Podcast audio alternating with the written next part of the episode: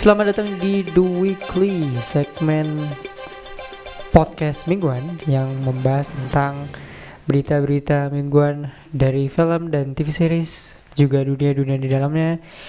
Dari podcast bersama gue Raffi Nur dan Nara di Pakbar. Halo Nar. Halo, halo. Jadi agak sedikit lambat ya si podcast ini kemarin sorry banget karena uh, ada UTS dan lain-lain. So Betul. Kembali lagi kita di segmen berita-berita ya, The Weekly. Yoi. Kemarin terakhir kita bahas uh, Turning Red dan juga di sebelumnya bahas Adam Project. Kalau kalian mau dengerin bisa langsung sana dan uh, sekarang kita bakalan berita terpanas nih Ya, yang iya. lagi hangat-hangatnya dari Oscars. Betul, betul. Apa Jadi eh, sebelum masuknya bulan penuh berkah ini, anjay. Ada apa ya? Ada yang panas-panas dikit tuh. Sebenarnya kita agak sedikit eh, terlambat ya, tapi it's okay lah. Better late than never. Jadi em, sekitar hampir dua minggu yang lalu tuh ada acara The Academy. Gue tuh kaget ya, Oscar tuh eh, agak lambat banget. Biasanya mereka di bulan Maret pertengahan atau bulan Maret awal gitu. Nah, eh, sekarang tuh di bulan Maret akhir dan bagi gua sih ya, kayaknya yang tahun ini yang agak eh, kurang hype gitu sih, less hype buat gue. Kayak gua nggak banyak nonton film banyak dan segala macem di mereka di nominasi-nominasi itu, tapi ya ternyata berlangsung di Academy dan eh, cerita utamanya biasanya ini ya, Nar. biasanya kita bahasnya atau orang-orang di luar sana bahasnya the best picture ya filmnya best actors tapi justru yang dibahas adalah gimmick nggak nggak tahu sih menurut lo gimmick apa enggak tapi di pertengahan acara itu eh, pembaca nom- nominasi yaitu komedian Chris Rock itu ditampar ya sama eh, pemenang Best Actors Oh. di The Academy yaitu Will Smith. Eh, mungkin udah banyak yang bahas, tapi gue mau tahu eh, pendapat lo apalagi ini kan kayak di event besar banget, em, event yang prestis lah. Terus kejadian kayak gitu terjadi. Lo pertama kali ngeliat videonya tuh reaksi lo apa? Kaget sih maksud gue kayak lagi lihat uh, Oscar yang oke. Sebenarnya ada beberapa masalah juga sih di Oscar, tapi gue kayak oke gue nonton pengumuman-pengumuman tiba-tiba di tengah-tengah ini kayak bener-bener di tengah-tengah event gitu terus ada kejadian penamparan gitu kayak wah kok bisa gitu jadi menurut gue sebenarnya kalau ini perspektif mungkin beberapa orang juga berkata yang sama ketika eh, ada orang istilahnya melukai lu lewat mulut ya balasannya juga lewat mulut gitu. Karena agak sedikit tidak fair ketika mulut dilawannya pakai fisik. Tapi Ya. memang sebenarnya bercandanya agak kurang etis. Tapi di tengah event besar tuh gue kadang gue mikir kasihan juga nih si panitia eventnya kan juga ikut istilahnya kena semprot dan Ya. bertanggung jawab atas hal ini kan. Karena harus ada censorship juga dan lain-lain. Apalagi dilihat seluruh dunia. Walaupun dijadiin meme juga sih sama orang-orang tapi cukup bikin apa ya kehebohan sih. Jadi walaupun sebenarnya kasihan juga sih Will Smith sudah membela gitu kan. Tetapi tanggapannya begitu gitu. Lu bisa lihat sendiri di berita gitu. Dan eh, cukup kasihan gua ngelihatnya. Cuman memang eh, gimana ya kalau misalnya ada problem sih kalau gua gua akan ngomongin itu di belakang layar gitu gitu. Udah off cam karena kasihan juga kan pas on cam gitu. Dan juga eh, mungkin jokes jokes komedian yang mau ditampilkan di acara besar mungkin bisa di apa ya diomongin di belakang sih. Maksud gua setahu gua kayaknya sih diomongin loh di belakang. Kayak apa yang boleh dikeluarin apa yang lebih baik jangan dikeluarin gitu. Dan eh, itu kan juga terjadi di siapa? Yang cewek kemarin juga. Emmy oh Emmy Skammer. Kenapa tuh dia? yang yang ya dia kan eh, bikin jokes yang kurang baik juga pas Hmm. ketemu sama si aduh siapa yang jadi cewek di Spider-Man Eh, Kristen Dunst, Mary Jane, Mary Jane. Iya, da- Ah, ya dia bikin kayak semacam jokes sebenarnya jokes ini fan-fan aja gitu cuman jokes ini tuh copy Hmm. copy dari jokesnya zaman dulu tuh yang di How I Met Your Mother kalau salah nah itu dia copy-copy jokes gitu dan cukup banyak di kerundung juga sama masyarakat jadi dua hal ini banyak dibicarakan sih. Jadi Oscars di tahun ini jujur lebih banyak kontroversinya sih dibanding Ya, keasikan keasikannya nggak tahu kenapa.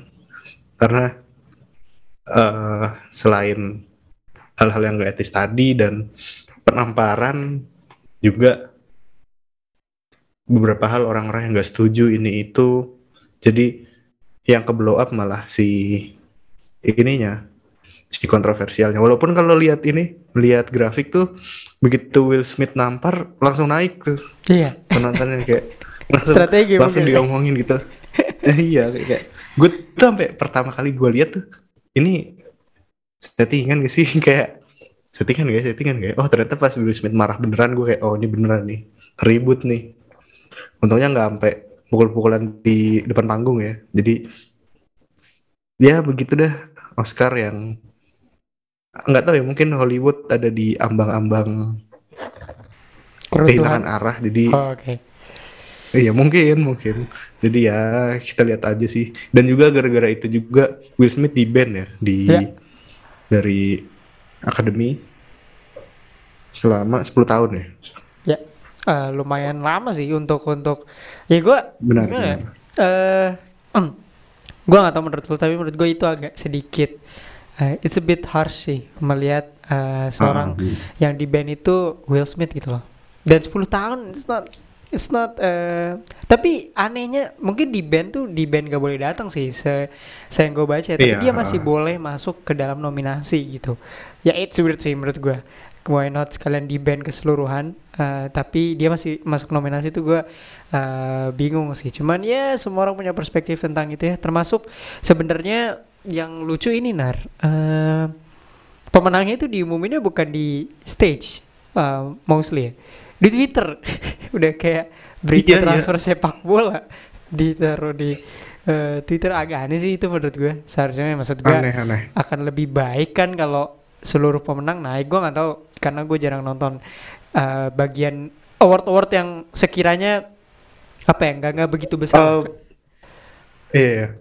Eh, nambahin dikit dan juga beberapa orang eh, istilahnya merequest bahwa ayo dong lebih ngeblow up animasi. Oh kenapa karena emang? mostly karena mostly kan eh, animasi ya ya gua nggak ya emang Oscar kan American centered banget ya.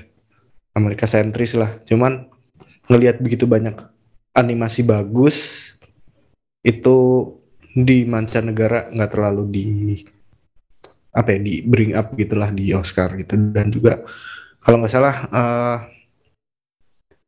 beberapa animasi gitu bahkan nggak Hmm, nggak hmm. diumumin secara heboh kayak lo tau gak sih award best animated best animated movies bla bla bla tuh nggak seheboh kayak best pictures nggak Iya, seheboh Iya, setuju. uh, sutradara terbaik dan lain-lain nah agak ketutup gitu padahal menurut gua ya animasi tetaplah film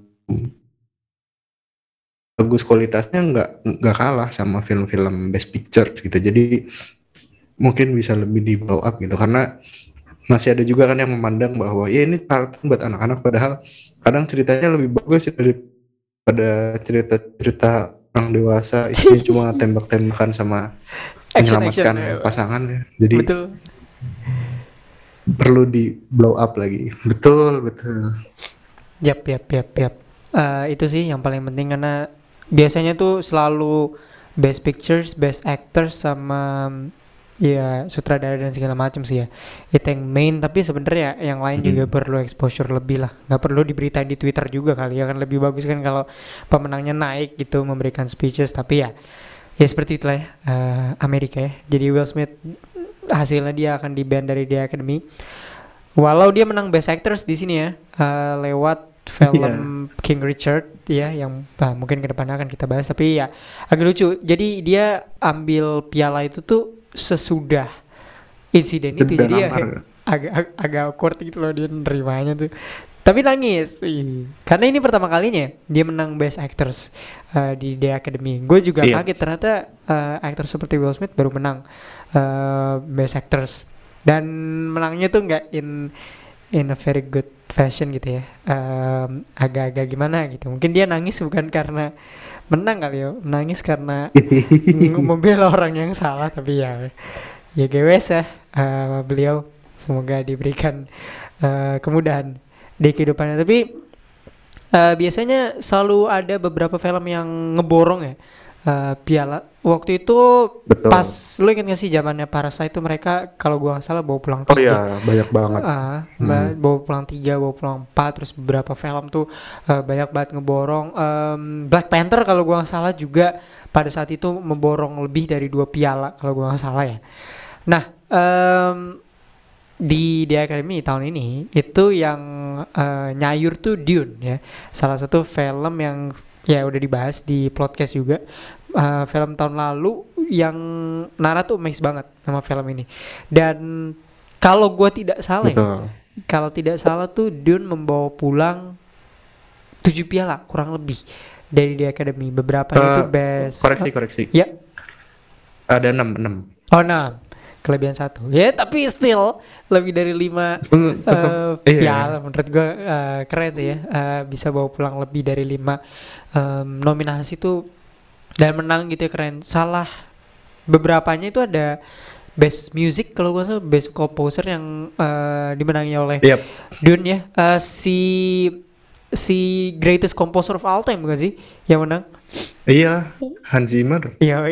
Tapi ini baru kedua kalinya kalau gua nggak salah dia menang atau baru pertama gitu kalau gua nggak salah ya.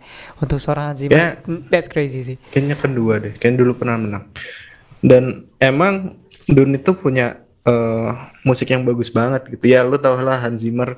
Mhm. Lu pulang nonton film-film yang musiknya dibikinin sama Hans Zimmer pasti lu dengerin kan. yes Even sejelek-jeleknya Dark Phoenix tuh musiknya bagus. Jadi Dun ini udah cerita yang bagus.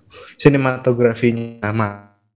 Sinematografinya tuh kalau nggak salah eh gue lupa dia juga bikin Iya, menang, project menang. lain menang best dan menang juga bagus juga. Iya. Ah. pokoknya perpaduannya oke banget sih. Padahal ini film pertamanya Dun kan, hitungannya baru mulai start suatu franchise dan udah menang sebanyak itu. Ini bikin ini sebenarnya bagus tapi sekaligus membawa ekspektasi tinggi banget buat fans-fansnya Dun. Akan ngeliat nanti di sequel bakalan kayak gimana nih, bakalan segila apa. Dan gue harap orang-orang di belakang layarnya tetap sama sih dari sutradaranya, dari si Hans Zimmer semoga mereka stay supaya taste-nya tuh gak berubah ya. Yep, yep. Menang best costumes juga ya. Eh, best cinematography. Sejauh itu yang gua kumpulin itu, tapi yang pasti 6 eh, tiganya lagi gua lupa apa dan apa tapi ya. eh, if I'm not mistaken, best actress-nya juga dari Dune nih. Kalau gua nggak salah ya. Eh, but ya, yang pasti 6 piala dibawa pulang oleh Dune yang ya reviewnya bisa kalian dengerin lagi di episode 30. Di situ ada Nara sama eh, our friends Rizky Fauzan yang ngebahas tentang Dune.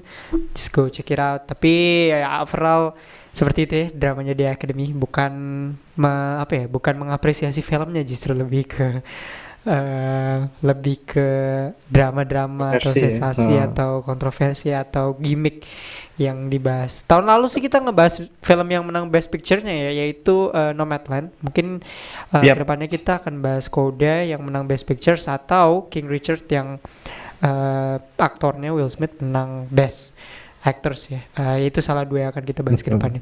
Uh, for sure. Tapi ya mudah-mudahan tahun depan lebih relevan lagi lah. Gue nggak tahu itu mungkin Benar. pihak di akademi mencari cara gimana biar kita diomongin ya. Ya jadi cari sensasi gitu. Soalnya trending, trending, trending kan. Di Iya, akademi nomor banget. satu di Twitter, berapa ribu tweets. Hebat, hebat. Tapi bukan karena di akademinya. Oke, em, kita geser eh, dari di akademi yang tadi agak sedikit panjang, but it's okay. Eh, respect ya, Chris Rock masih bisa ngebawain eh, acaranya dengan santai gitu. Gak Walaupun bisa tidur tapi kayaknya. Eh, iya sih agak malu dikit sih. Soalnya ini kan Ya. eh, jejak digital kan, jadi Iya. malu pak. Oke, dari kita bahas em, series ya. Kita ke ranah yang kita sangat sukai, superheroes, comic book movie dan series. Ini dari CW. Ada serial Superman and Lois akan diperpanjang ke season ketiga. As far as I know, dua season pertamanya tuh dapat respon yang sangat positif. Saya cukup Oh. terkejut ya. Ber- Berarti eh, setelah gue setelah baca berita ini harus gue nonton dua season pertama. Eh, diperpanjang ke season 3 Any details yang harus kita tahu Atau lu udah pernah nonton Superman and Lois ini Uh, gue belum nonton sampai selesai, but gue masih tahu bahwa ini emang CW, ya lu tau lah CW dengan beberapa kebusukannya. Yep. Tapi uh, Superman and Lois punya episode yang lebih sedikit kayak The Flash bisa 24, Superman and Lois bisa lebih sedikit dan gitu kenapa untuk series CGI-nya bagus, kostumnya bagus. Maksud gua kostumnya Superman tuh bagus untuk series. Gue suka gitu dan eh, ada adegan yang apa ya nyelamatin kapal selam deh kalau nggak salah. Itu gelapnya kayak dan hujan gelap. Bagus loh kayak ini. Suasananya suasananya udah kayak Man of Steel gitu. Jujur aja. dan mungkin juga ini pertimbangan buat serial superhero bahwa nggak perlu episode banyak-banyak gitu. Episode dikit asal bagus tuh orang suka. Ya. Karena emang CW ini bikin superhero episodenya panjang dan dilanjut-lanjutin terus tapi naik turun gitu. Bahkan The Flash waktu itu season 4 dimaki-maki banyak orang ya kalau salah. Karena gue jujur gue berhenti di season 3 The Flash. Dan The Flash ini juga mau lanjut ke season 9 bayangin. Udah Udah kayak Walking Dead ya? Iya udah kayak Walking Dead. Jadi eh gue nggak tahu kalau Flash lu yang masih ngikutin kuat banget sih lu pada. Respect Karena nggak tahu kenapa eh, Superman and Lois kualitasnya makin oke, tapi The Flash, Arrow dan lain-lain nggak tahu kenapa turun loh. Jujur, CGI-nya makin makin jelek. Gua nggak tahu budgetnya dipotong atau enggak, tapi makin jelek. Dulu tuh Bener. season 1 2 tuh peak banget, Bro, kayak gila. Bagus gitu. Tapi makin hari kok oh kok kayak agak dipotong gitu budgetnya makin hari makin parah gitu. Bahkan Yep, yep. oh, adegan larinya tuh kayak raw banget gitu. Jadi gue udah kayak waduh apa ini Iya iya. Kemarin juga di season 8 tuh yang banyak diomongin orang bukan karena kehebatan ceritanya tapi sekarang The Flash pakai ini eh lightsaber di Oh iya. season 8 tuh itu kacau banget sih. Itu di saat itu gue kayak oke this this this uh, this show is done sih. Dari dari season itu gua gua gua kayak Nara tadi gue nonton pas lagi peaknya karena gue punya eh, apa ya kemudian akses pada saat itu ya memang harus diakui eh, dua season pertama ya bisa kita bilang tiga bahkan ya tiga season pertama tuh walaupun gue cuma nonton dua doang tapi it's it's good it's really good tapi I don't know tiba-tiba di season 8 peaknya lah. tuh The Flash tuh berantemnya pakai lightsaber gitu ya like pedang pedang tapi kayak Iya. pedang anak-anak gitu loh what gitu jadi ya lawannya agak. Flash yang warna putih itu kan. Ya, dan dia juga make lightsaber thing itu. Jadi kayaknya sejak sejak arc ini, sejak arcnya Zoom itu udah udah mulai turun sih. Habis itu kayak udah. Udah So, mulai turun. Dan animasi larinya makin main parah men. Iya, iya. Jadi ya kalau lu masih nonton keren sih lu kuat. Respect, respect banget. Respect. Iya, eh, mungkin masih ada community-nya ya, The Flash eh, Mungkin, CW mungkin. itu, tapi gua nggak tahu kenapa mungkin lo di luar sana masih bisa tahan gitu. Eh, bahkan ef- efek larinya tuh Flash Ezra Miller masih lebih bagus loh, tapi ini yang kayak Joss Whedon gitu itu masih bagus loh dibanding eh, iya iya. The Flash season 8 kemarin. So raw banget. asli asli. Tapi kan ya CW. Ya series sih, tapi ya makin hari makin nggak tahu. Dan eh, ngomongin The Flash ya, itu kan The Flash series. Nah yang jadi The Flash di film Wah. Justice League Ezra Miller nih kesandung masalah lagi Ya. yang sebelumnya udah pernah kan gara-gara mabuk kalau nggak salah dan sekarang eh, ditahan di Hawaii ya. Ya. karena denda juga kalau nggak salah. Kayaknya udah dilepas deh. Gua gua nggak tahu tapi didenda dan dipanggil polisi karena melakukan kekerasan. Ya. Ini kan Warner Bros. jadi mikir kan wah ini mau dipertahanin apa enggak gitu. Apalagi Ezra Miller lagi projectnya lagi lumayan gede-gede Fantastic Beasts dan The Flash. Jadi entah gimana nanti. Ada info lebih dalam lagi Nor? Eh mungkin baru itu sih yang Warner Bros. mempertimbangkan untuk memecat sih. Kayak literally memecat. Nah masalahnya eh ini kita rekaman tanggal 9 April tanggal 13 nanti tuh ada Fantastic Beasts ya Secrets of Dumbledore. Dia Betul. main di dalam itu juga. Dan kemarin kita tahu berita diundur The Flash sampai 2023 apa kita berhubungan itu dengan, itu juga gua nggak tahu tapi eh, WB mempertimbangkan untuk mencat Ezra so ya all things going down lagi untuk DC jadi kalaupun The Flash bagus ya yang nanti 2023 kita nggak tahu Ezra will still play atau enggak karena ini udah masalah keduanya dia nah I don't know sih ke depannya. Kemungkinan karena ini eh, besar banget isu Warner Bros mau memecat mereka memecat Ezra. Jadi sepertinya likely dia akan pergi sih nar dari eh, The Flash sih kelihatannya Hmm. karena eh, masalahnya ini nggak cuma sekali ini udah yang kedua Hmm. jadi agak-agak kontroversial juga sih kalau misalnya orang-orang lihat gitu ya cuma bisa berharap semoga nggak diulangi dan berkelakuan lebih baik sih karena menurut gua dua kali itu udah batas banget sih untuk Hmm.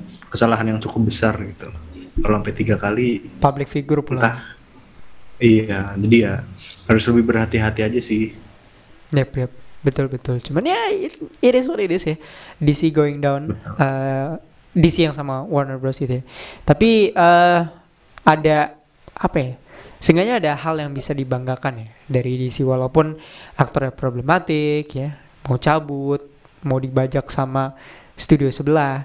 Tapi eh ada satu yang sepertinya masih ada harapan lah yaitu dunia atau universe-nya The Batman kemarin. Jadi em, sekitar dua minggu lalu ya, eh Warner Bros tuh mengeluarkan deleted scene dari film The Batman kemarin yang kita bahas di episode 45. Jadi di deleted scene sini ada Joker, Jokernya Barry Keoghan. Spoiler alert by the way kalau lo belum nonton, tapi nggak mungkin sih udah nggak nonton Belum. udah lebih dari satu bulan.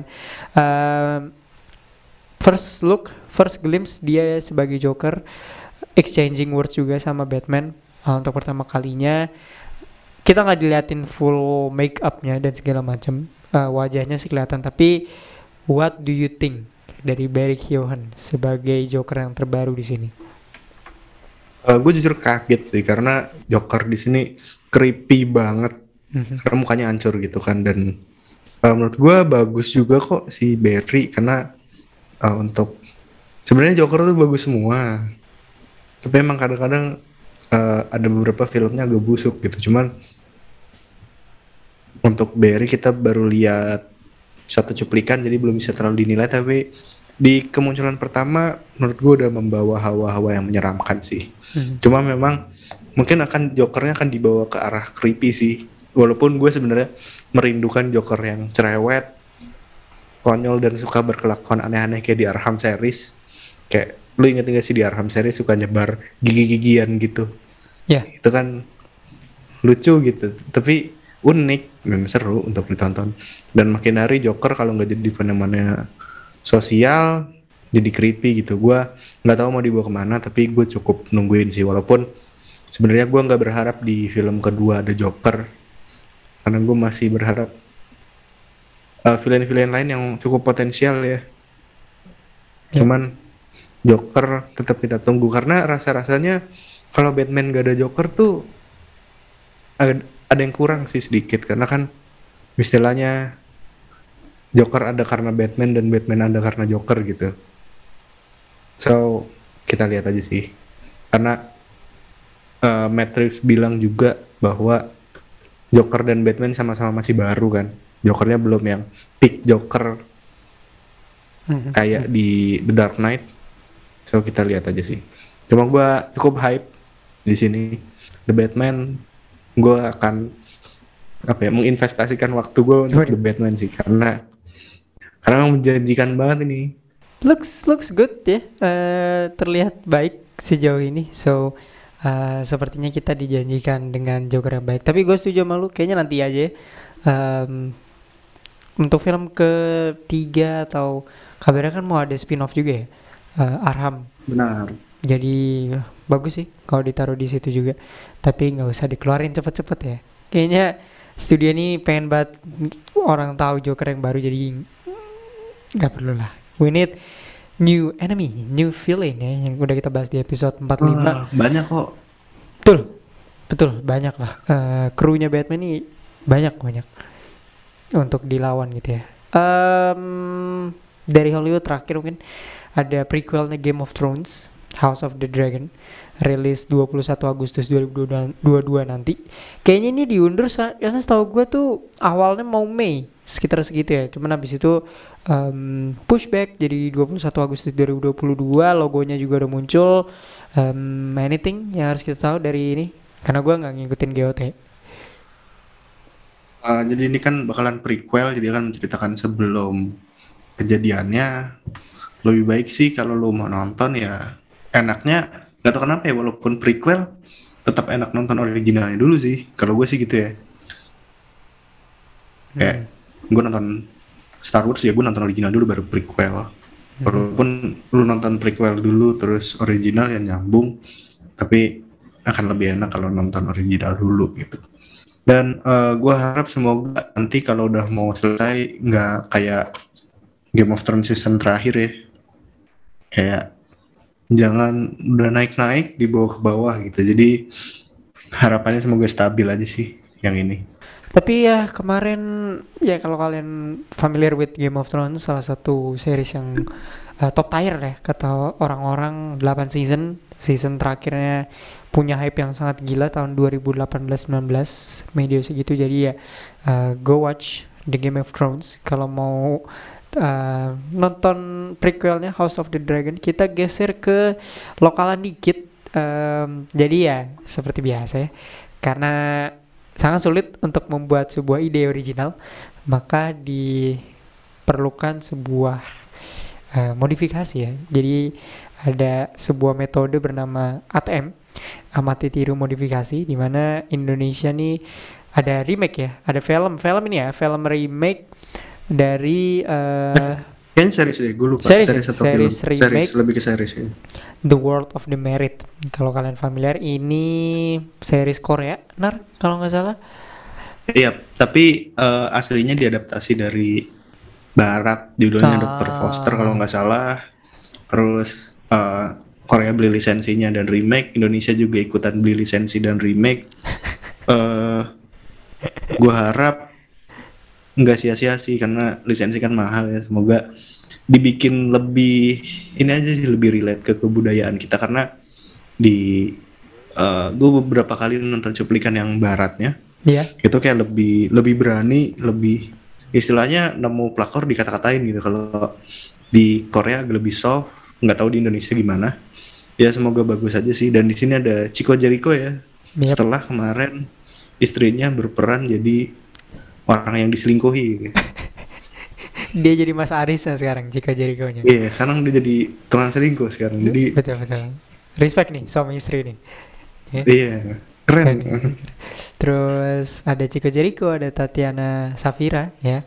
Ini Yap. akhirnya eh, model wanita pelakor tuh bukan hanya Geraldine lagi ya. Eh, we kinda tired of her. benar benar Eh, despite dia tampil bagus di beberapa saat, tapi akhirnya kita bergeser ke Tatiana Safira. Ini menurut gue sebenarnya ini cewek agak agak adem ya mukanya, jadi agak eh, lucu Hmm. dia nanti jadi em, wanita yang tertwiling gitu ya, sama Adinia Wirasti. betul Kasihan nih. Nih dilihat-lihat nih sepertinya mengejar yang lebih cantik gitu ya ri- eh, ceritanya. Buat yang nggak tahu, tapi ya The World of the Merit akan tayang di tahun ini atau tahun depan. video Oh video.com. Wait, di video. Untuk tayangnya gue belum tahu, jadi lo bisa cek tungguin aja sih. Oke oke oke. Sorry salah, The World of Merit tuh Disney Plus, Ah berarti bukan video nggak apa-apa. bukan video nggak apa-apa. Oke oke The World of Merit ya di Disney Plus. Speaking of Disney Plus ya, uh, weekly recommendation di The Weekly kali ini ada Moon Knight ya, yang dibintangi sama Oscar Isaac yang lagi banyak dapat job di mana-mana, termasuk filmnya tadi Dune bawa pulang 7 piala, eh sorry 6 piala. Jadi ya Moon Knight harus di menjadi serial yang harus kita rekomendasikan untuk kalian tonton di bulan puasa. Karena ini uh, sepertinya agak ke ini ya Ner, agak ke arah-arapan dikit.